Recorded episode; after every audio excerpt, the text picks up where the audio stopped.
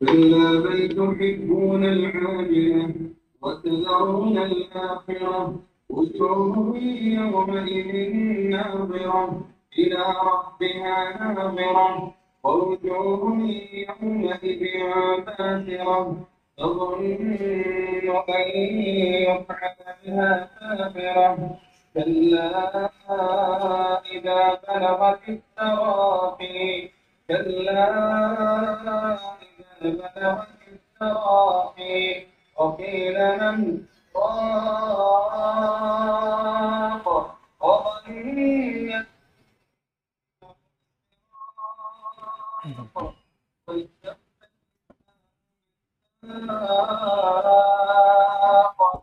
إلى ربك يومئذ المساق. Sedang menyimak Kamu semua untuk Kajian Kajian yang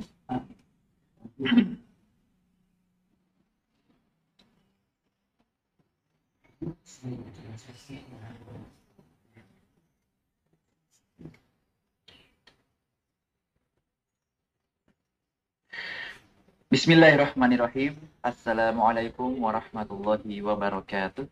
Waalaikumsalam. Alhamdulillah. Alladzi bi ni'matihi tatimus shalihat. Wassalatu wassalamu ala Rasulillah wa ala alihi wa sahbihi wa man tabi'ahu bi isanin ila yaumiddin. Amma ba'du. Ya, selamat pagi sobat muslim, kaum muslimin, para pendengar dan pemirsa.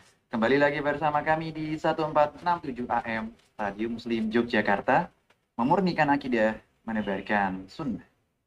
Ya, Alhamdulillah jumpa lagi bersama Yusuf di kesempatan pagi hari ini. Di pukul 9 lebih 7 menit waktu Indonesia Barat. Kita kembali bersua di acara atau di program eh, Khazanah Islam. Bagaimana informasi yang sudah kami sampaikan sebelumnya bahwa insya Allah di pagi hari ini kita akan melanjutkan kajian dan pembelajaran rutin di setiap Sabtu pagi bersama uh, Ustazuna Abu Salman Muhammad Hafizullah Ta'ala kajian parenting islami yang kembali pada pagi hari ini akan melanjutkan pembahasan dari uh, buku mengajarkan anak tauhid dengan bertanya jawab. Ya silakan kembali seperti biasa di pagi hari ini sobat muslim bisa mengajukan pertanyaannya seputar parenting atau pendidikan anak dengan melayangkan pertanyaannya atau menyampaikan konsultasinya melalui nomor interaktif kami di layanan chat WhatsApp atau pesan singkat SMS di nomor 0823 2727 5333. Kami ulangi kembali. Silakan di pagi hari ini Sobat Muslim bisa menyampaikan pertanyaannya seputar parenting dengan uh, menyampaikan pertanyaannya melalui layanan chat WhatsApp atau pesan singkat SMS di nomor 0823 2727 5333. Alhamdulillah di pagi hari ini kita juga telah berhasil terhubung secara langsung dengan beliau Ustaduna Abu Salma Muhammad Hafizullah Ta'ala. Kita coba sapa beliau terlebih dahulu. Assalamualaikum warahmatullahi wabarakatuh. Ustaz. Ya, Waalaikumsalam warahmatullahi wabarakatuh. Ya, bagaimana kabarnya Ustaz pagi hari ini? Ustaz? Alhamdulillah Mas Yusuf sehat walafiat. Alhamdulillah. Jazakallah khairan Ustaz atas waktu dan kesempatannya pada pagi hari ini. Semoga Allah senantiasa menjaga Ustaz dan keluarga. Wa barakallahu fikum. Amin wa antum kadzalik. Baik, sobat muslim, para pendengar dan juga pemirsa, rahimani wa rahimakumullah. Alhamdulillah, pagi hari ini kita telah ditemani secara langsung dengan beliau, Ustazuna Abu Salman, uh, Ustazuna Abu Salman Muhammad, Hafizullah Ta'ala. Dan sekali lagi kami mengingatkan, kita akan kembali belajar parenting islami pada pagi hari ini, yang masih membahas buku uh, mengajarkan anak tauhid dengan bertanya jawab Insya Allah pada pagi hari ini kita akan masuk pada pembahasan berikutnya bersama beliau di pembahasan eh, tentang pertanyaan tentang pertanyaan yang ke-13. Dan mari sobat muslim kita persiapkan kembali untuk menuntut ilmu pada pagi hari ini. Kita siapkan lembaran catatan beserta alat tulis kita dan mari kita luruskan niat. Semoga Allah mudahkan kita dalam belajar pada pagi hari ini dan dari studio Radio Muslim Yogyakarta kami yang bertugas mengucapkan selamat mendengarkan dan selamat belajar. Kepada Ustazuna Abu Salma Muhammad, kami persilakan Ustaz Faliyatafadol Mashkur. Baik. Uh, syukran Mas Yusuf ya. Bismillah. Alhamdulillah hamdan katsira ala ni'amih alladhi an'amana wa iyyakum ila sabilil hidayah wat ta'ati wa la udwana illa 'alal zalimin wa la udwana illa 'alal kafirin. Wa la udwana illa 'alal munafiqin. Alhamdulillah wassalatu wassalamu ala Rasulillah wa ala alihi wa sahbihi wa man walah amma ba'du. Uh, jamaah sekalian para pendengar uh, Radio Muslim Jogja di mana pun antum berada dan juga yang mengikuti kajian kita di pagi hari ini melalui Instagram ataupun melalui YouTube ya. Assalamualaikum warahmatullahi wabarakatuh.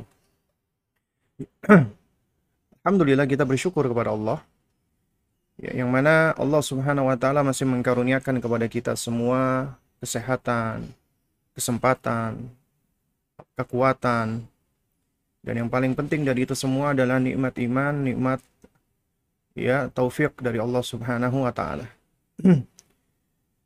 Dan alhamdulillah kita di pagi hari ini akan melanjutkan kajian kita yakni masih membahas sebuah risalah yang ditulis oleh Fadilatul Syekh Salim bin Sa'ad At-Tawil hafizahullah taala salah seorang ulama ahlu sunnah dari Kuwait yang menulis risalah berjudul As'ilatu wa Ajwibatu Lisigori. Uh, tanya dan jawab untuk anak-anak wala yastaghni an hal kibar. Yang juga orang-orang dewasa pun butuh dengan hal ini artinya dengan tanya jawab ini bahkan orang tua yang harus lebih dulu yang harus lebih dulu tahu dan kita sudah sampai di pertanyaan yang ke-13 ya pertanyaan ke-13 yakni mengajarkan anak-anak kita bahwasanya yang mengetahui perkara gaib hanyalah Allah Subhanahu wa taala dan ini termasuk bahasan akidah. Ya. Yang mana sebelumnya ya kita sudah membahas tentang masalah syirik besar, syirik kecil dan dengan metode ya pertanyaannya adalah menyempurnakan hadis Nabi Shallallahu alaihi wasallam. Itu sempurnakan hadis man halafa ghairillah maka jawablah faqad kafara au asyraka. Siapa yang bersumpah dengan menyebut ya selain nama Allah Subhanahu wa taala maka sungguh dia telah kafir atau telah syirik. Ya ini sudah kita bahas dan juga sudah kita bahas tentang macam-macam kesyirikan syirik besar dan syirik kecil ya berangkat dari hadis ini dan kemudian sudah kita terangkan bahwa bersumpah dengan menyebut nama selain Allah termasuk syirik kecil tapi syirik kecil ini lebih besar ya dosanya, lebih besar bahayanya daripada kemaksiatan ataupun dari dosa-dosa besar ya. Karena dia termasuk kesyirikan meskipun syirik kecil. Karena itu tidak boleh kita meremehkan. Kemudian di pertanyaan yang ke-13 yang perlu kita pahami, orang tua harus ngerti, kemudian baru kita bisa ajarkan kepada anak-anak kita, yakni ya pertanyaan, apakah ada orang yang mengetahui perkara-perkara yang gaib selain daripada Allah Subhanahu wa taala. Ya. Jadi ini perkara penting ini. Ya. Kita tanyakan kepada anak kita, "Nak, ada nggak yang tahu perkara gaib selain Allah Subhanahu wa taala?" Maka jawablah, tidak ada satupun makhluk ya baik di langit maupun di bumi yang mengetahui sesuatu pun perkara-perkara gaib kecuali hanya Allah Subhanahu wa taala karena hanya Allah lah yang tahu tentang perkara gaib. Ya. Dan jamaah sekalian yang dimuliakan Allah Subhanahu wa taala, akidah dan iman kaum muslimin itu dibangun di antaranya kewajiban untuk mengimani perkara-perkara gaib. Dikatakan perkara gaib ini adalah perkara yang tidak bisa kita indra secara langsung. Tidak bisa kita lihat, ya. Makanya hal-hal yang bersifat perkara-perkara gaibiyah ini termasuk perkara keimanan. Ya, jadi termasuk perkara yang harus diimani.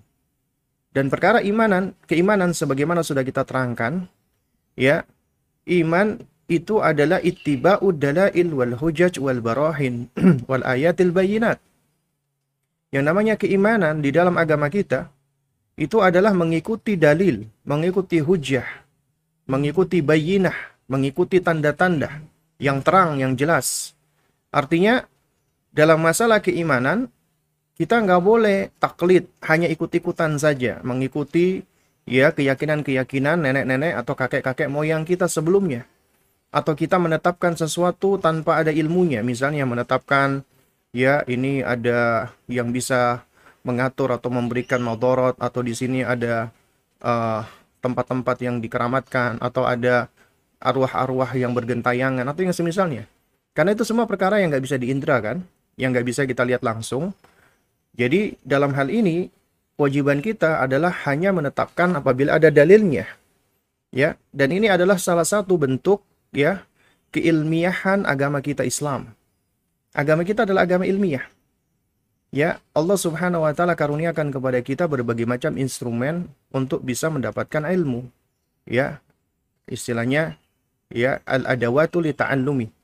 Ya, alat-alat untuk bisa belajar karena kita dilahirkan dalam keadaan tidak punya ilmu, bodoh, jahil kita semua. Ya. Kemudian instrumen belajar kita ini berkembang.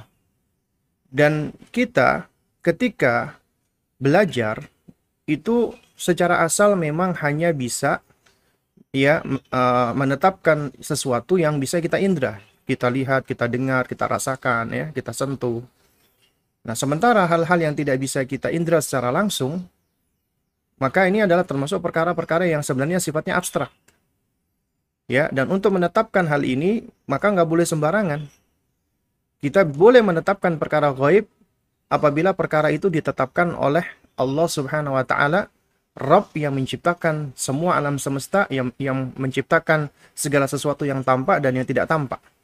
Dan Allah tahu semuanya, apa yang tampak dan apa yang tidak tampak. Ya. Nah, karena itu alhamdulillah Allah Subhanahu wa taala ya, berikan kita hidayah taufik berupa Islam. Kita berada di atas fitrah kita Islam semenjak kita dilahirkan di muka bumi ini. Berarti ini adalah hidayah taufik karena semua manusia dilahirkan berada di atas fitrah, di atas keislaman, di atas keimanan, di atas tauhid. Ya, sebagaimana sabda Nabi sallallahu alaihi wasallam, "Ma min mauludin illa yuladu 'ala fitrah." Tidaklah anak yang dilahirkan kecuali anak tersebut berada di atas fitrah. Dan fitrah di sini kata Imam Nawawi rahimahullahu taala adalah anna kulla mauludin mutahayyian lil Islam. Setiap anak itu dilahirkan sudah condong kepada Islam. Dan alhamdulillah Islam itu sangat sangat sangat memperhatikan akal. Bahkan syariat beban taklif itu diletakkan di akal. Artinya apabila akal itu hilang atau akal itu tidak sempurna, maka demikian pula syariat ya akan diangkat syariat tersebut dari seorang hamba apabila hamba itu ya tidak ataupun uh, akalnya tidak sempurna ya contoh misalnya anak kecil anak kecil itu terangkat pena dari mereka. Artinya mereka belum mendapatkan beban syariat. Sehingga apabila mereka melakukan perbuatan-perbuatan yang melanggar syariat sebenarnya mereka belumlah berdosa. Dan mereka berada di atas fitrah. Apabila mereka wafat atau meninggal dunia sebelum baliknya maka menurut pendapat yang rajih dari jumhur ulama, maka mereka adalah berada di atas fitrah, berada di atas Islam, mereka tidak dihisap oleh Allah Subhanahu wa taala. Mereka insya Allah masuk surganya Allah wa azza wa jalla. Apabila anak-anak itu wafat sebelum mereka balik, sebelum mereka ya akalnya sempurna. Karena mereka itu mulai menjadi mukallaf diberikan beban syariat ketika akalnya telah sempurna. Ya, juga demikian orang gila ya maka orang gila juga tidak mendapatkan beban syariat. Kenapa? Karena akalnya terganggu. Demikian pula orang yang tidur atau pingsan, meninggalkan sholat misalnya. Ya, maka ketika dia meninggalkan sholat, meninggalkan kewajiban karena dia pingsan atau dia tidur, maka dia tidak berdosa sampai dia siuman atau sampai dia bangun. Ya, maka ketika sadar dia harus mengkodoknya. Ya, demikian pula ketika orang tidur misalnya, kemudian dia mengigau, atau dia ngelindur, dia dia mengucapkan kata-kata yang jelek, yang buruk, maka ya perkataan-perkataan yang keluar dari ketidaksadarannya itu tidaklah dia dihisap oleh Allah Subhanahu wa taala. Ya, karena dia tidak sadar, ya. Demikian pula orang-orang atau anak-anak yang uh, mengalami namanya uh, apa namanya? Uh, gangguan ataupun defisiensi dari sisi mental. Ya. Artinya perkembangan mentalnya tidak sempurna. Ya. Misalnya ada orang dewasa usianya 20 tahun tapi ternyata usia mentalnya seperti anak kecil 4 tahun. Ya, ini biasa dialami misalnya oleh anak-anak yang uh, DS ya, yang Down syndrome misalnya ya. Nah, itu biasanya meskipun fisiknya fisiknya orang orang dewasa gede tapi ternyata akalnya akal anak-anak. Nah, juga demikian eh, orang-orang seperti ini maka ya itu juga dikembalikan kepada kemampuan akal mereka. Ya, jadi apabila mereka memang secara perkembangan akalnya seperti akal anak-anak ya, bahkan mereka belum mampu berkomunikasi dengan baik, ya maka ya beban syariat pun juga sama apa namanya terangkat dari mereka. Karena syariat itu diletakkan kepada akal manusia. Dan ini tugas kita sebagai orang tua, mendidik anak-anak kita agar akal, mereka bisa berkembang dengan baik. Sesuai dengan ya Al-Quran dan Sunnah. Berada di bawah cahaya Al-Quran dan bimbingan Sunnah Nabi yang mulia alaihi salatu wassalam. Ya. Nah, oleh karena itu jamaah sekalian yang dimuliakan Allah Subhanahu wa taala, ya. Kewajiban kita sebagai orang tua adalah mendidik mereka, terutama di usia tufula, di usia di bawah tujuh tahun, itu pondasi, pondasi ibadah. Apa pondasinya ibadah? Ya, ya, yakni amal-amal ibadah yang berupa ibadah jawarih seperti sholat, ya, puasa dan yang semisalnya.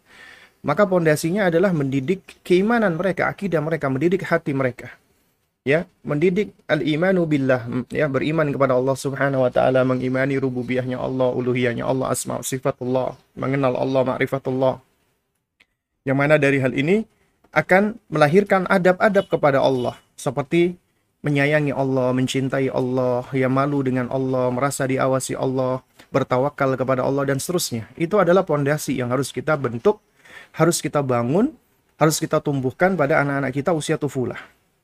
Yang mana insya Allah ya jika kita membentuk dan membangun hal ini maka yang namanya kalau kita ibaratkan bangunan ya itu kita fokus membangun pondasinya maka tentunya ketika kita membangun ya bangunan rumah tersebut temboknya pilarnya dan seterusnya maka itu akan lebih mudah dan akan lebih kuat tapi berbeda halnya dengan mereka yang sudah sibuk membangun rumah tapi lupa abai dengan pondasinya.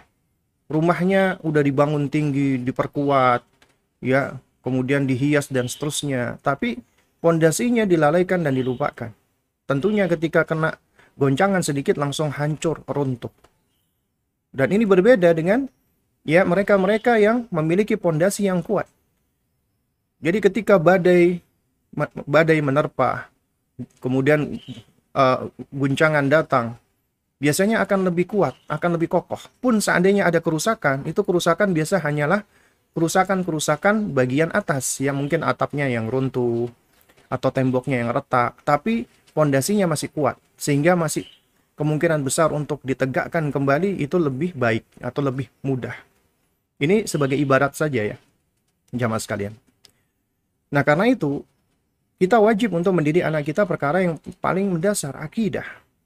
Ya, dan memang kalau kita perhatikan ya dari ilmu apa namanya pedagogik ya ilmu uh, apa namanya ilmu yang mempelajari tentang anak-anak dan perkembangannya memang dikatakan bahwa anak-anak di bawah tujuh tahun ya mereka ini masih memiliki pola pikir yang konkret artinya belum bisa berpemikiran abstrak sementara perkara goib itu abstrak sehingga sebagian orang tua mengikuti konsep-konsep seperti ini, mereka nggak mengajarkan dulu perkara akidah. Bahkan mereka nggak mengajarkan dulu perkara agama, nanti belakangan. Ini tentunya suatu hal yang keliru. Padahal mengajarkan akidah di usia dini itu pondasinya. Ya, Adapun asumsi atau anggapan anak-anak itu di usia ini masih berpemikiran uh, konkret ya, belum mampu untuk memahami perkara abstrak. Jadi artinya kalau diajarkan perkara akidah, jatuhnya dogma, doktrin. Menurut mereka anak-anak tidak sepatutnya di dogma atau di doktrin. Ini keliru, jelas keliru. Padahal yang namanya pendidikan, kita nggak bisa lepas nih dari mengajarkan mereka kebaikan dan juga kita harus ya ajarkan mereka perkara-perkara buruk agar mereka meninggalkannya atau atau menjauhinya. Ya.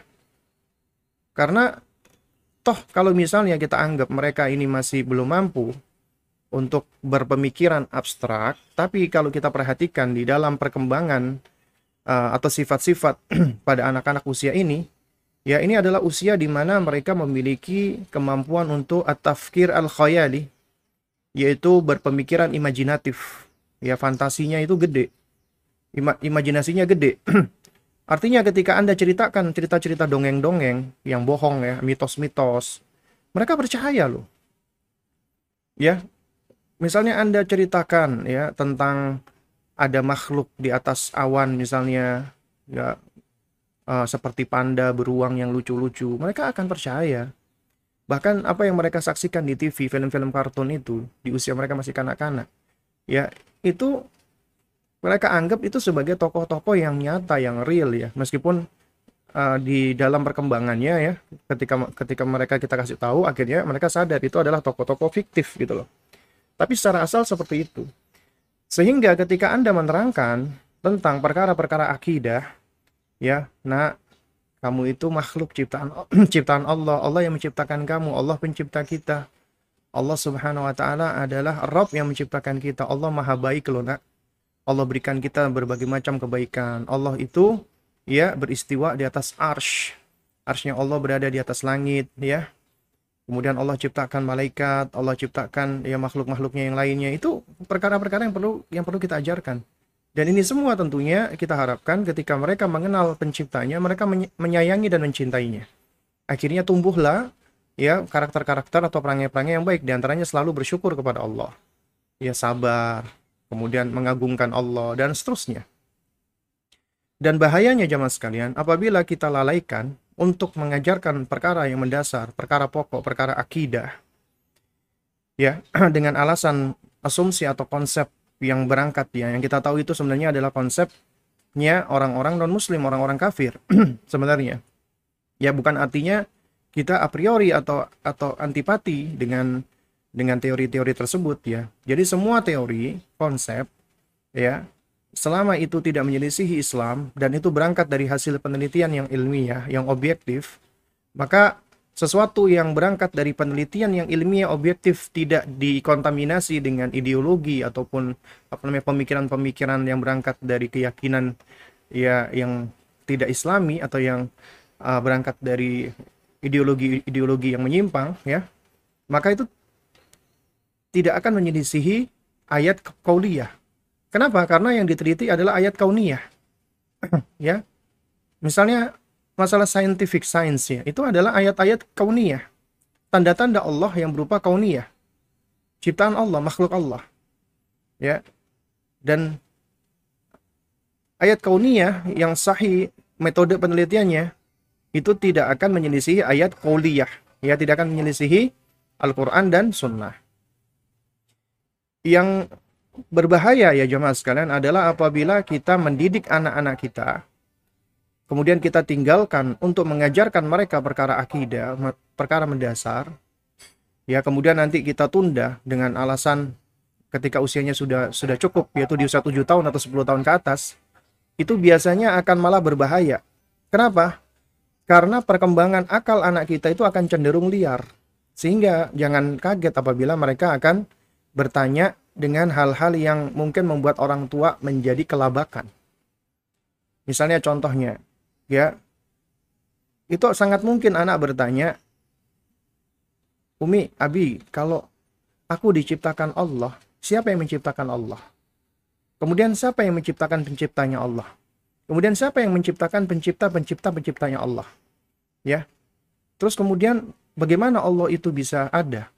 Ya, Nah, dia berusaha untuk memahami sesuatu yang tidak mampu dijangkau oleh akalnya.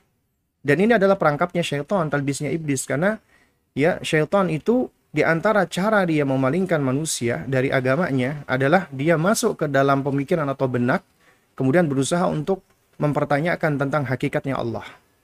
Sementara akal kita nggak mampu menjangkau. Allah karuniakan kepada kita akal nih, akal. Tapi kita manusia nggak tahu tentang hakikat akal itu sendiri akal itu sendiri adalah perkara yang abstrak. Kita nggak bisa melihatnya, kita nggak bisa menyentuhnya, kita nggak bisa mengindranya secara langsung. Tapi kita yakin kita punya akal gitu loh. Nah, oleh karena itu ada sebagian manusia yang mengagungkan atau mendewakan atau bahkan mempertuhankan akalnya. Sementara kita tahu akalnya manusia itu terbatas. nggak bisa menjangkau segalanya. Ya, nggak bisa akalnya manusia itu menjangkau segala hal. Nggak mungkin, nggak bakal bisa. Nah, karena itu akalnya orang-orang yang dikatakan berakal sehat, berakal berakal lurus ya. Dikatakan dengan sebutan ulul albab atau apa namanya? Apa namanya? Ulun nuha misalnya. Ya. Mereka adalah yang akalnya diterangi oleh wahyu, akalnya diterangi oleh Al-Qur'an dan sunnah akalnya lurus, akal yang tunduk kepada wahyu, akal yang tunduk kepada pencipta akal itu sendiri, Allah Subhanahu wa taala. Mempergunakan akal sebagaimana fungsinya tanpa ya mempergunakan akal melebihi kapasitasnya dan kemampuannya, berusaha untuk apa? Membahas sesuatu yang tidak mampu dijangkaunya. Ya. Kalau kita misalnya ibaratkan ya. Misal contoh ya. Akal ini misalnya seperti tuas ya, ya ataupun akal ini seperti dongkrak misalnya. Yang yang tugasnya adalah ngangkat ya. Maka itu ada kapasitasnya. Misalnya dongkrak itu kapasitasnya hanya mampu mengangkat 5 ton misalnya. Nah tapi ternyata ya digunakan untuk mengangkat misalnya apa namanya eh, kapal yang sedang terdampar misalnya yang beratnya itu ber apa namanya ber berjuta-juta ton misalnya. Nggak akan bisa, bahkan bisa patah dongkraknya tersebut. Ya. Artinya akal kita ini adalah ya sesuatu yang diciptakan entitas makhluk yang Allah karuniakan kepada kita dan itu terbatas. Ya, nggak mampu menjangkau segalanya, nggak bisa menjangkau semuanya. Karena itulah keterbatasan akal ini itu menyebabkan manusia akhirnya ya menjadi tiga jenis golongan ketika berbicara tentang perkara gaib. Tentang ber, tentang perkara-perkara yang tidak bisa diindra. Karena perkara ghaibiyat itu termasuk ujian loh buat akal manusia. Allah uji akal kita dengan perkara gaib. Kenapa? Karena kita diminta, diperintah untuk menetapkan sesuatu yang nggak bisa kita lihat, nggak bisa kita indra secara langsung. Ya, akal kita diuji. Tunduk tidak dengan Allah Subhanahu Wa Taala. Karena itu ada tiga jenis golongan manusia. Pertama, golongan ekstrim. Golongan yang ekstrim, ya, yaitu mereka yang menolak semua hal yang tidak bisa mereka indra, tidak bisa mereka lihat. Ini mereka adalah kelompok atau golongan yang sifatnya memandang sesuatu secara materialistis. Ada materinya, ya. Kalau nggak ada materi, nggak bisa diindra, nggak bisa dilihat, berarti tidak ada. Itu menurut mereka, ya.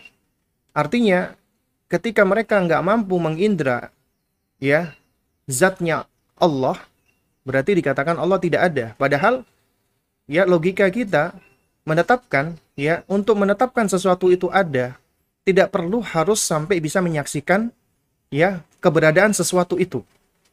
Contoh misalnya ya Anda punya jam nih ya Anda meyakini jam Anda pasti dibuat oleh orang oleh oleh oleh manusia ya Meskipun kita nggak tahu yang buat itu siapa, tapi kita yakin jam ini ada yang membuat, ada makernya gitu loh. Atau misalnya kita di jalan kita ketemu bola misalnya. Nggak mungkin akal kita menetapkan bola ini terbentuk dengan sendirinya. Pasti ada yang bikin, meskipun kita nggak tahu yang bikin itu siapa gitu loh. Meskipun kita nggak tahu yang buat itu siapa, tapi kita meyakini secara logika akal sehat, bola ini ada yang menciptakan. Nah, lucunya orang-orang yang apa namanya terperangkap dengan kesesatan atau penyimpangan akal yang seperti ini, ya yang yaitu hanya menetapkan sesuatu yang yang bisa diindra saja, ya kemudian akhirnya mereka itu memiliki kebingungan, confuse ya. Mereka itu disorientasi tentang tujuan hidup mereka dan kemudian juga mereka akan mengalami yang namanya apa namanya? paradoksal di apa di dalam berlogika. Kenapa? Ketika ditanyakan kepada mereka, ya, ini bola nggak ada yang bikin nih, nggak ada yang menciptakan. Ujuk-ujuk dia terbentuk sendiri. Kita bakal dikatakan, wah gila kamu ya, ya, wah kamu ini uh, bodoh banget gitu. Jadi dia bakal punya anggapan orang yang mengatakan ini bodoh. Lantas sebagaimana dengan orang yang meyakini ya bumi Allah Subhanahu wa taala yang begitu sempurnanya, yang begitu kompleksnya, itu dikatakan bisa terbentuk dengan sendirinya.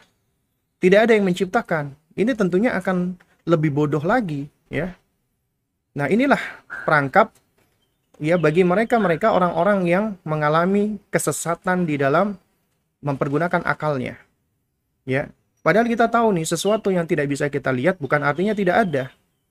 Contoh misalnya, ya, kita nggak bisa dong langsung apa berpendapat bahwa ada tembok, kita nggak tahu di, di belakang tembok itu apa, ya. Kita nggak bisa melihatnya. Kenapa? Karena ada tembok di situ. Yang kita bisa lihat adalah tembok. Jadi nggak bisa kita cuma menetapkan itu tembok, ya. Kemudian di belakang tembok itu kosong, tidak ada apa-apanya. Kenapa? Karena kita nggak bisa melihatnya.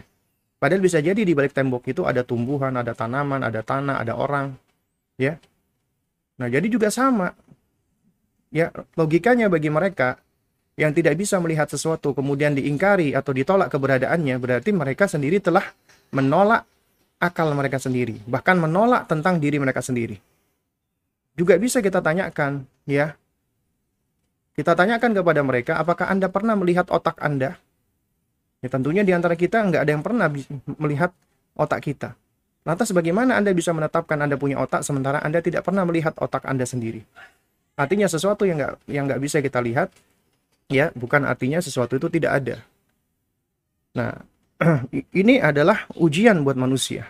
Akhirnya muncul kelompok yang pertama ini. Kemudian muncul kelompok yang kedua.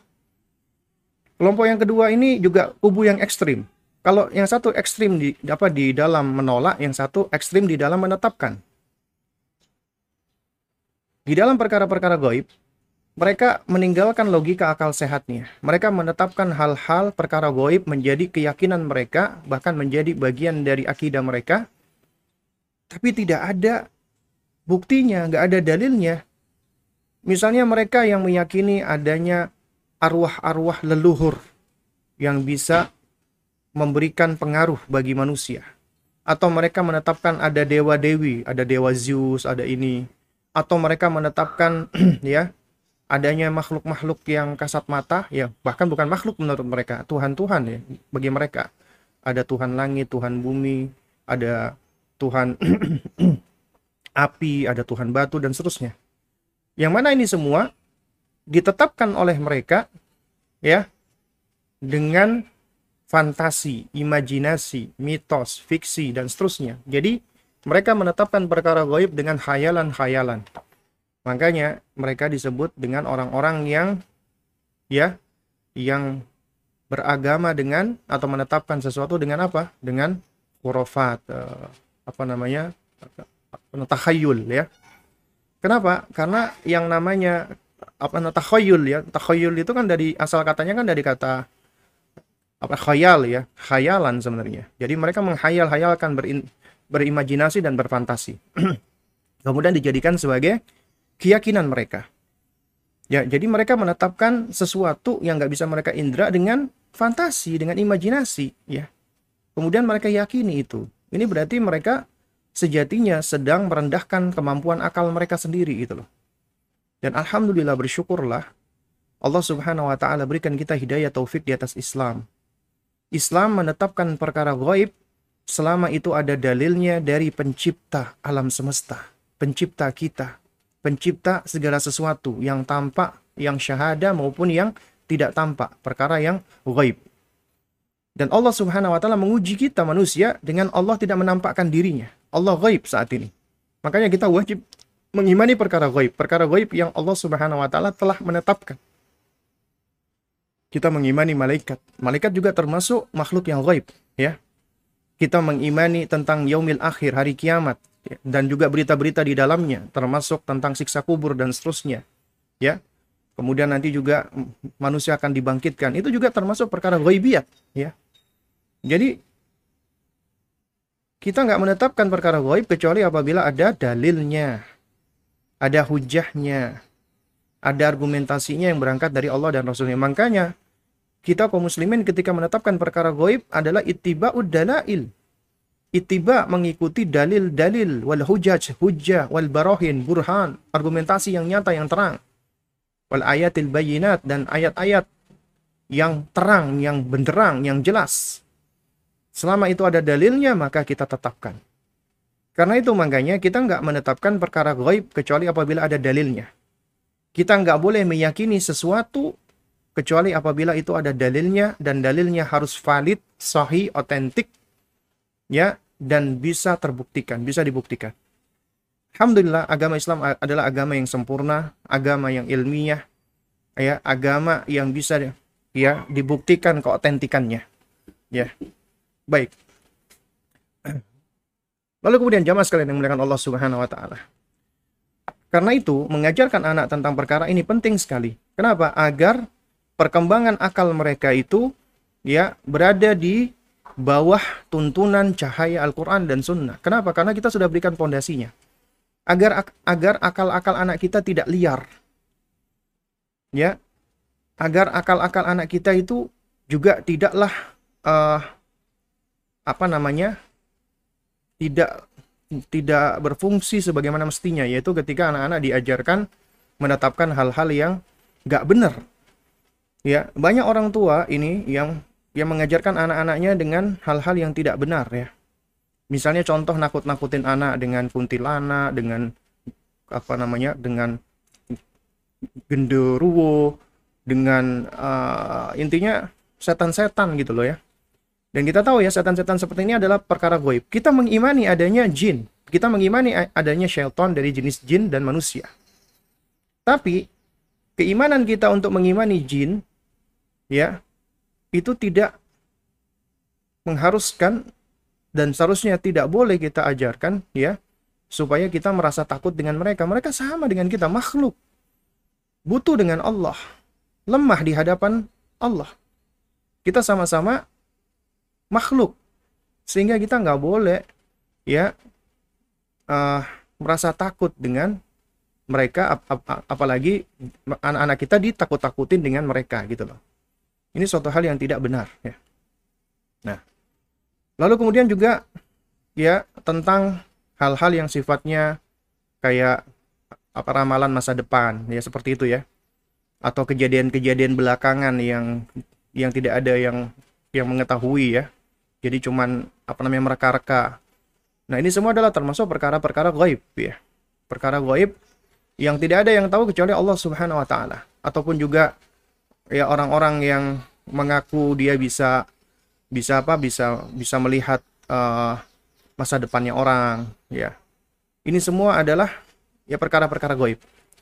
Yang mana apabila ada manusia yang meyakini ada selain Allah yang mengetahui perkara-perkara gaib, maka itu bisa merusak akidahnya, bisa merusak tauhidnya. Karena perkara gaib yang wajib kita yakini adalah hanya Allah yang tahu. Hanya Allah Subhanahu wa taala yang mengetahui. Tidak ada makhluknya yang tahu kecuali apabila Allah beritahu, ya. Dan itu hanya sebagian dan sedikit saja.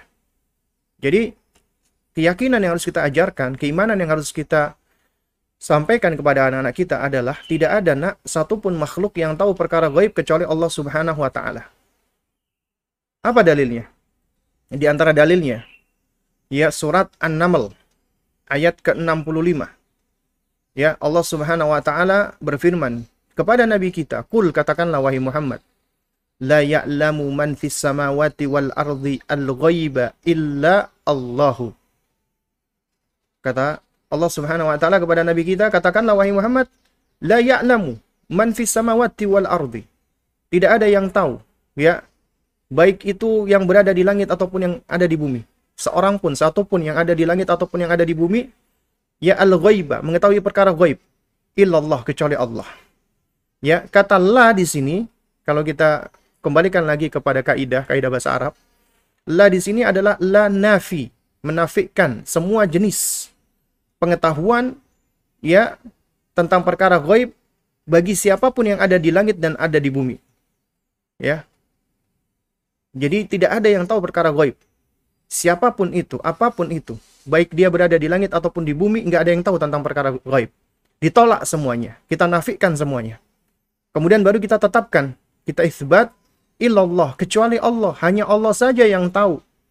Ya, tentang perkara gaib, ya, semuanya. Hanya Allah Subhanahu wa taala yang tahu. Artinya, siapa pun orangnya atau apa pun dia, tidak akan ada yang tahu perkara gaib kecuali Allah. Ya.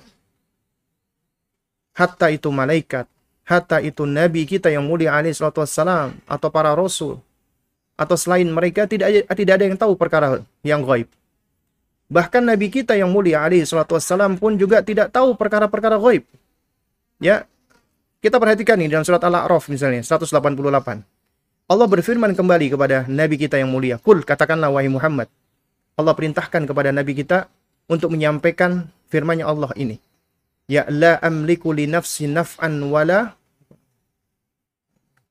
dharran. Ya. La amliku li nafsi naf'an wala dharran. Katakanlah wahai Muhammad, aku tidak kuasa, aku enggak mampu untuk meraih kema kemanfaatan untuk diriku dan tidak pula menolak ke, apa namanya kemudorotan atau bahaya ya untuk diriku. Illa masya Allah kecuali apabila dikehendaki oleh Allah. Perhatikan. Kembali kembali lagi di sini ada la ada illah. Ada la menafikan ada illah menetapkan. Nabi kita diajarkan kepada apa Nabi kita diperintahkan oleh Allah. Katakanlah wahai Muhammad ya bahwasanya sesungguhnya diriku yaitu Muhammad SAW ya aku la amliku li nafsi naf'an wala dharran. Aku nggak memiliki kekuasaan nggak mampu bagiku untuk menarik kemanfaatan dan tidak pula menorok, menolak kemudorotan artinya aku sendiri nggak nggak mampu Muhammad. Itu Allah yang perintahkan. Nabi Muhammad menyampaikan seperti ini illa masya Allah kecuali apabila Allah menghendakinya. Jadi yang tahu hanyalah Allah, yang yang berkuasa hanyalah Allah. ya, Nabi kita nggak mampu untuk mendatangkan madarat dan manfaat untuk dirinya. Ya, lantas bagaimana dengan orang-orang yang mereka meminta-minta kepada Rasulullah? Ya, mereka memohon kepada Rasulullah, padahal Rasulullah sudah wafat. Ya, meminta untuk mendapatkan kemanfaatan atau dijauhkan dari madarat. Lantas bagaimana dengan selain Rasulullah? Seperti yang dilakukan ya, seperti orang-orang Syiah misalnya. Ya Hussein, madad, madad ya Hussein, ya wahai Hussein, tolonglah kami, tolonglah kami wahai Hussein. Ini ucapan-ucapan yang mengandung kesyirikan. Yang meminta tolong kepada Hussein. Ya. Padahal ada Allah Subhanahu wa taala, Allah yang menciptakan kita dan menciptakan Hussein radhiyallahu taala anhu. Dan semoga Allah Subhanahu wa taala ya membersihkan beliau ya yaitu Sayyiduna Hussein dari keburukan-keburukan orang-orang yang mengaku-ngaku mencintainya padahal sebenarnya menodai kehormatannya Hussein. Ya radhiyallahu taala anhu. Ya. Allah sendiri di dalam surat Al-A'raf itu memerintahkan kepada nabi kita. Katakanlah wahai Muhammad la amliku li nafsi naf'an wala dharran. Aku enggak berkuasa menarik kemanfaatan bagi diriku dan enggak pula aku mampu menolak apa kemudaratan untuk diriku. Illa masya Allah kecuali apabila Allah menghendaki.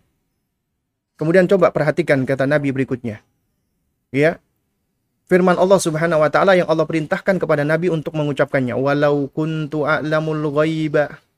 Ya katakanlah Muhammad kalau sekiranya aku ini tahu tentang perkara-perkara gaib artinya Muhammad nggak tahu tentang perkara gaib ya alaihi salatu wassalam. Walau kuntu a'lamul ghaiba lastakthartu ya minal khairi. Ya maka niscaya aku akan istighfar, akan memperbanyak minal khairi, aku akan banyak berbuat baik. Wama massaniyasu dan aku pun tentu tidak akan ditimpa ke, ke apa keburukan ataupun aku tidak akan ditimpa dengan apa kemudaratan. Dan kita tahu nih, nabi kita ketika perang Nabi nggak tahu apakah perangnya beliau akan menang atau kalah. Nggak tahu. Kalau Nabi tahu tentang perkara gaib, ya. Jadi Nabi SAW tentunya ketika ketika berperang tahu dia ini akan kalah misalnya ya. Misalnya di apa namanya misalnya di perang Uhud ya misalnya maka Nabi SAW beliau akan akan menarik diri nih. Karena tahu ini perang akan menyebabkan apa namanya kekalahan, tapi Nabi nggak tahu. Dan kalau Nabi tahu bahwasanya beliau akan luka, ya beliau tuh kena kena tombak ya, sampai uh, giginya beliau itu diriwayatkan itu juga patah ya. Ya, niscaya Nabi SAW itu akan bisa menghindarnya. Tapi Nabi manusia biasa, sama dengan kita. Nabi nggak mampu untuk menolak apa kemudorotan untuk dirinya beliau nggak mampu apalagi untuk orang lain ya dan Nabi nggak tahu perkara gaib Nabi hanya tahu perkara-perkara yang gaib yang hanya Allah Subhanahu wa taala khabarkan kepada Nabi Nabi tidak mengetahui secara mutlak tapi Nabi hanya tahu muqayyad terbatas hanya Allah yang kabarkan makanya ketika di dalam hadis Jibril ya malaikat Jibril bertanya kepada Rasulullah ya ya Muhammad akhbirni anil Islam akhbirni an anil iman, akhbirni anil ihsan. Nabi bisa menjawabnya. Tapi ketika Jibril alaihissalam bertanya, "Ya Muhammad, akhbirni anis sa'ah." Ya, sampaikan kepadaku tentang hari kiamat. Hari kiamat ini termasuk perkara gaib. Apa jawaban Nabi wasallam? Ya, mal mas'ulu anha bi'a'lam minasail. Orang yang ditanya, yaitu diri beliau, tidak lebih tahu daripada orang yang bertanya, yaitu Jibril. Artinya Nabi dan Jibril nggak tahu tentang hari kiamat. Kapan datangnya hari kiamat. Itu adalah rahasia Allah Subhanahu wa taala. Artinya tidak ada yang tahu tentang perkara gaib kecuali hanya Allah Subhanahu wa taala. Hatta malaikat nggak tahu tentang perkara-perkara gaib. Ilmu malaikat pun juga terbatas. Mereka hanya memiliki pengetahuan apabila Allah yang memberitahu. Ya. Nah, oleh karena itu, ketika malaikat ya, mereka bertanya kepada Allah ketika Allah hendak menciptakan bapak kita Nabi Adam alaihissalam, mereka mereka bertanya, ya, Ya Allah, apakah engkau akan menciptakan ya makhluk yang akan berbuat kerusakan di muka bumi dan akan menumpahkan darah? Ya, malaikat bertanya demikian bukan karena malaikat protes kepada Allah, tidak. Ya, karena mereka bertanya sesuai dengan pengetahuannya. Kata para ulama ahli tafsir, ini berarti ada isyarat sebelum kita manusia sudah ada makhluk yang tinggal di bumi dan mereka berbuat kerusakan di muka bumi ini. Mereka berbuat kerusakan, ya. Dan mereka gemar menumpahkan darah. Ya. Nah, kemudian malaikat khawatir dengan hal ini. Makanya mereka bertanya. Mereka tidak mempertanyakan tentang apa yang dilakukan oleh Allah. Mereka hanya bertanya. Lalu kemudian Allah Subhanahu wa taala menerangkan bahwasanya Allah hendak menciptakan ya yaitu manusia sebagai apa khalifah di muka bumi ini. Dan Allah menciptakan Nabi Adam alaihissalam ya. Allah ciptakan dengan kedua tangannya dan Allah tiup sendiri ya. Lalu kemudian Allah ajarkan kepada bapak kita Nabi Adam seluruh nama-nama segala sesuatu. Ya.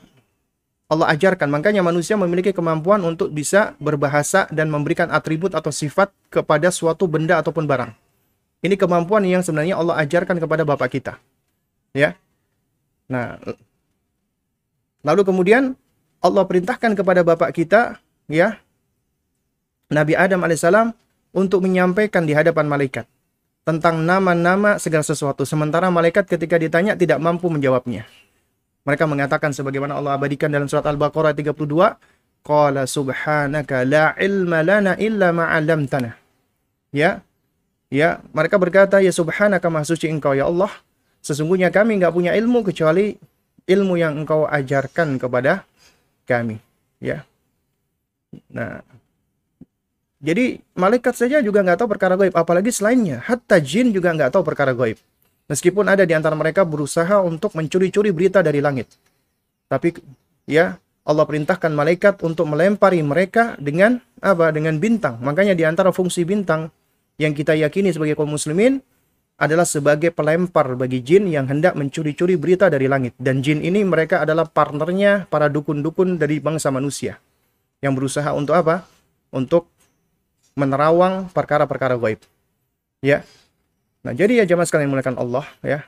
Yang tahu perkara gaib yang harus kita ajarkan adalah Allah. Hanya Allah semata wa indahu mafatihul ghaibi la ya'lamuha illa hu. Ya. Dan hanya Allah lah yang memiliki mafatihul ghaib, kunci-kunci ilmu gaib. Hanya Allah. La ya'lamuha, enggak ada yang tahu tentang hal ini. Satu pun, apa pun enggak ada yang tahu illa huwa kecuali Allah dia. Ya. Nah, ini buahnya haram bagi kita mempercayai. Dan ini harus kita ajarkan kepada anak kita. Gak boleh kita percaya kepada para tukang dukun, para tukang ramal, ya, termasuk zodiak, zodiak dan yang semisalnya, ya.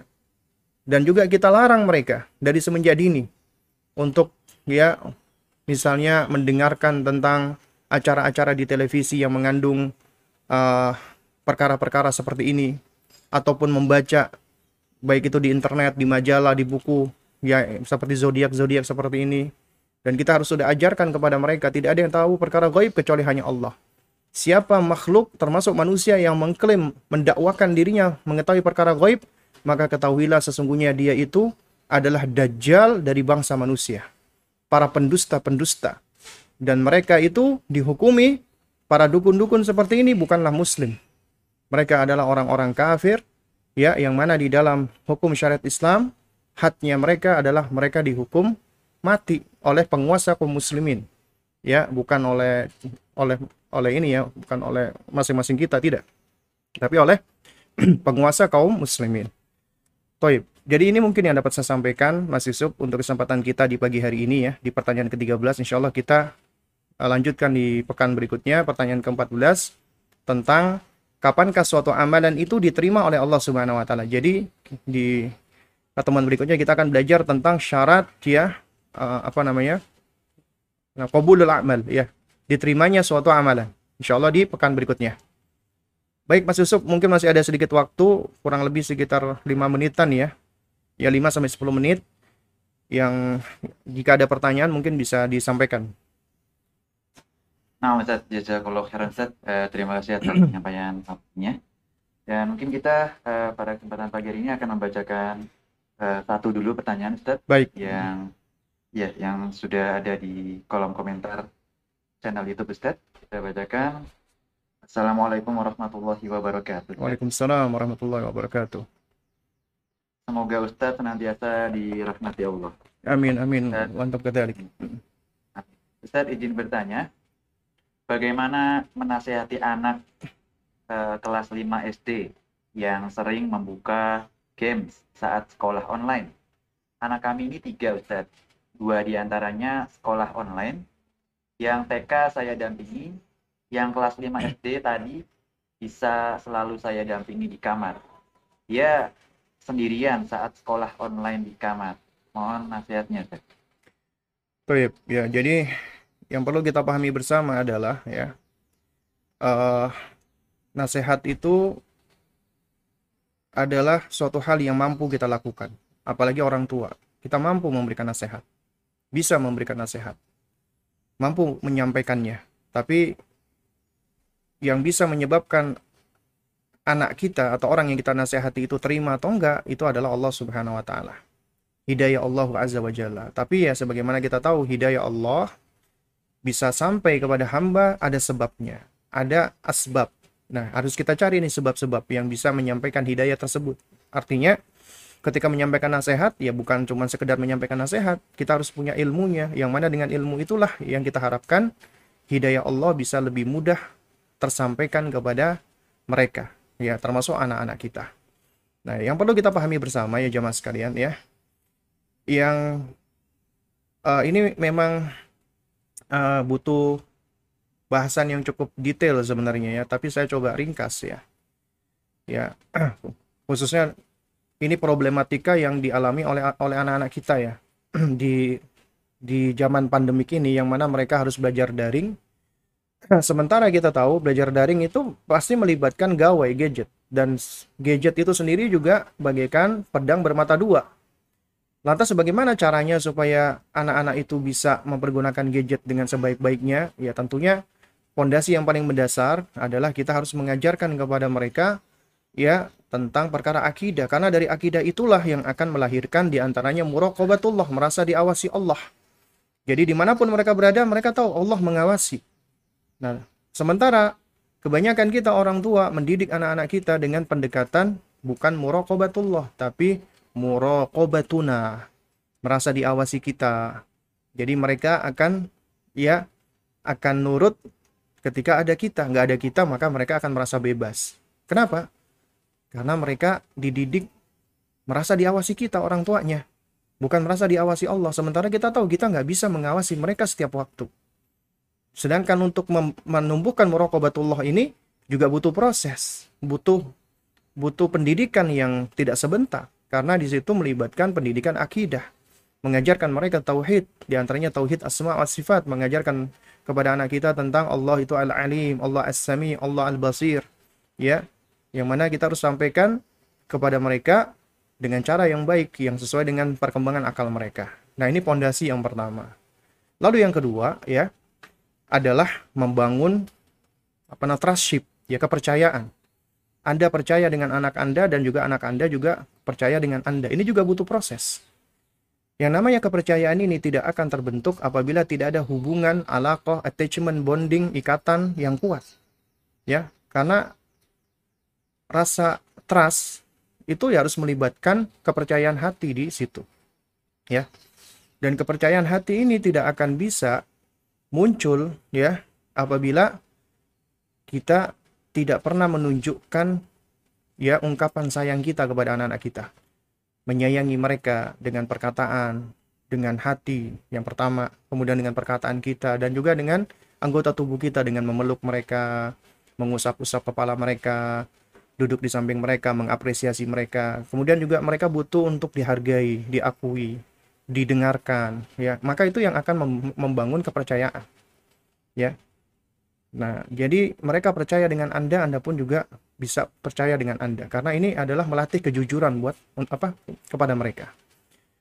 Kemudian yang ketiga ya yaitu ya, ya ini juga ada kaitannya sama yang kedua ya bangun attachment ya bangun koneksi yang lebih kuat dengan anak Anda ya di antaranya yaitu tadi dengan cara kita lebih menunjukkan kasih sayang kepada mereka, perhatian, pembersamaan. Karena apabila kita memiliki bonding attachment yang kuat dengan anak-anak kita, maka nasihat yang kita sampaikan akan lebih lebih mudah diterima. Makanya dikatakan connection before correction.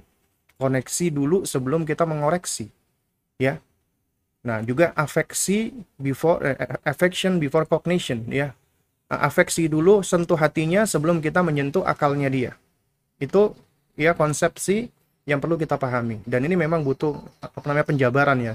Namun bukan uh, bukan bukan saatnya ya di kesempatan kita ini apalagi waktunya sempit. Ya kemudian setelah itu yang keempat adalah ya bersepakat dengan anak. Ya ajarkan mereka tentang aturan-aturan. Tapi ingat kaidah di dalam meletakkan aturan harus disertai dengan uh, ihtimam perhatian jadi kaidahnya adalah ada dua hal di sini. An-nizam, aturan, wal ihtimam dan perhatian. Harus dua berjalan. Artinya kalau Anda hanya memberikan nizam, aturan, tapi Anda tidak memberikan perhatian, aturan tok, maka biasanya anak-anak ini dia akan cenderung memberontak, menolak, ya, protes, nggak mau terima. Demikian pula ketika Anda cuma perhatian doang, tidak ada aturannya, maka anak akan menjadi anak yang manja. Anda menjadi orang tua yang apa namanya permisif. Jadi pendidikan Anda akan chaos, kacau. Karena cuman perhatian tidak ada aturannya. Sesuatu yang tidak ada aturannya akan chaos, kacau. Ya. Nah, jadi harus ada aturan dan perhatian, nizam wal ihtimam. Karena dengan dua hal ini, anak akan belajar bertanggung jawab, akan belajar untuk untuk apa namanya? untuk menghadapi konsekuensi-konsekuensi dari dari yang dia pilih ya. Makanya kita ajak mereka bersepakat. Nah, kemudian yang terakhir ya, ada kiat-kiat sebenarnya untuk mendampingi anak-anak kita ketika daring. Ya, di antaranya adalah lakukan yang namanya karantina digital. Karantina digital itu maksudnya adalah ya, anak-anak itu mereka hanya diperbolehkan mempergunakan gadget gawai sebagaimana penggunaannya, sebagaimana tujuannya, ya, tidak boleh mempergunakan untuk hal-hal lain selama jam belajar, selama mereka sedang daring. Ya, ini harus ada kesepakatan. Ya, harus diletakkan aturan ini. Ya, ya. Lalu kemudian yang berikutnya di antaranya adalah ya ketika belajar, ya terutama daring, itu upayakan agar anak-anak harus siap ready. Mereka mandi, pakai seragam, kemudian di hadapan komputer nyalakan webcamnya atau kameranya sebagai bentuk adab kepada gurunya ya. Jadi seperti sekolah biasa agar tidak ada apa image sekolah di rumah daring itu ya sebenarnya kayak liburan gitu loh bebas. Enggak. Ya.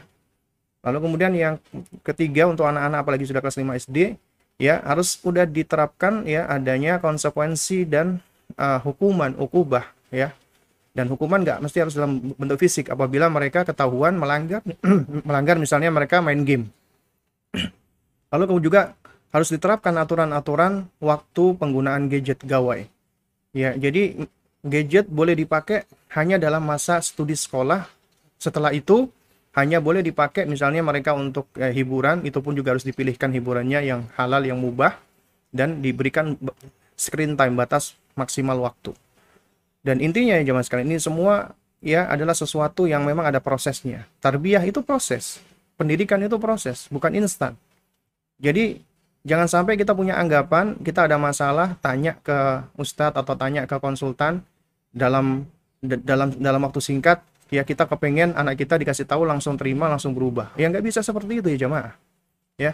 Jadi ya harus pelan-pelan ada prosesnya ya. Nah di antara prosesnya adalah memang kita boleh bertanya konsultasi. Ya tapi konsultasi atau ketika kita tanya bukan artinya itu solusi instan. Nggak ada namanya solusi instan apalagi dalam pendidikan ya semuanya itu butuh proses. Namanya tarbiyah itu di situ ada halan fahalan syai'an fasyai'an ada tahapan demi tahapan dan juga sedikit demi sedikit langkah demi langkah. Itu semua harus diikuti proses-prosesnya. Ya dengan apa dengan kesabaran ya dengan pembersamaan.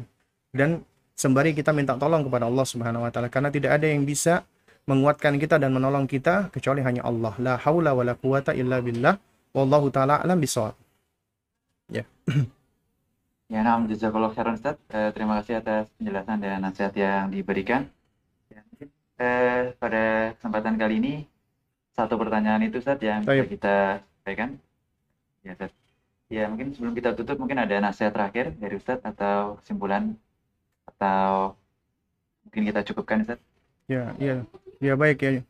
Ya, intinya adalah di poin pertanyaan ke-13 ini adalah ya, ini perkara penting yang harus kita ajarkan kepada anak-anak kita, bahkan termasuk pondasi akidah, yakni tidak ada yang tahu tentang perkara gaib kecuali hanya Allahu Azza wa Jalla. Hanya Allah yang tahu.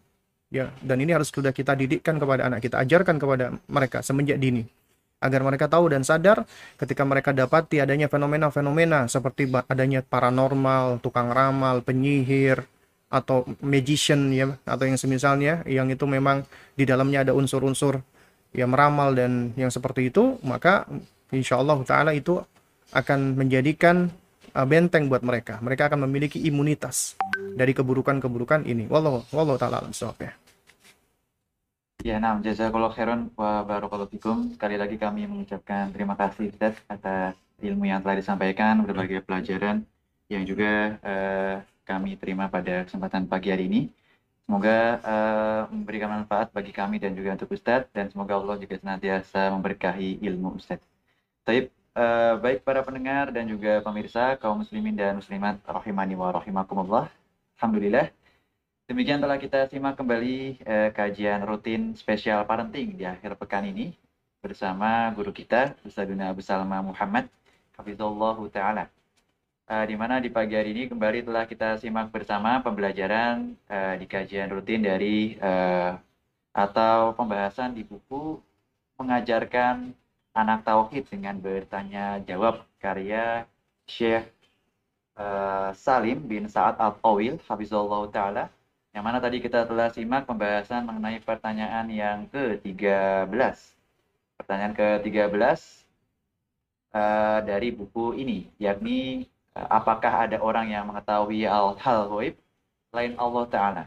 Dan Sobat Muslim juga bisa mendapatkan buku berformat PDF ini dengan Sobat Muslim mengunjungi laman website kami di www.radiomuslim.com.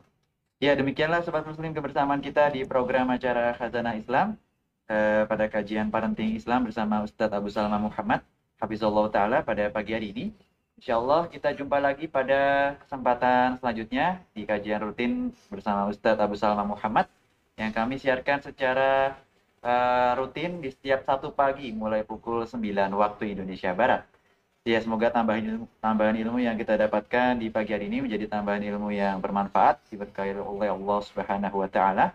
Dan semoga juga jawaban dari eh, Ustadz pada pagi hari ini yang diajukan oleh pendengar atau pemirsa eh, senantiasa menjadi jawaban dan bermanfaat. Semoga Allah mudahkan dalam mengamalkannya di kehidupan sehari-hari. Eh, kita akhiri dan cukupkan dengan membaca doa kafaratul majlis. Subhanakallahumma wa bihamdika asyhadu an la ilaha illa anta astaghfiruka wa atubu ilaik.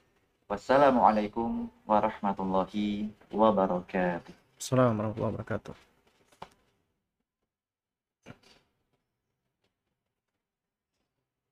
Nah, set, eh, set- Ya, nggak tahu ya, Mas Yusuf, syukran Oke. ya. Jazakallah khair, Ya. barakallahu fiik. amin amin Assalamualaikum. Ustaz. Ya, Allah ya. Assalamualaikum.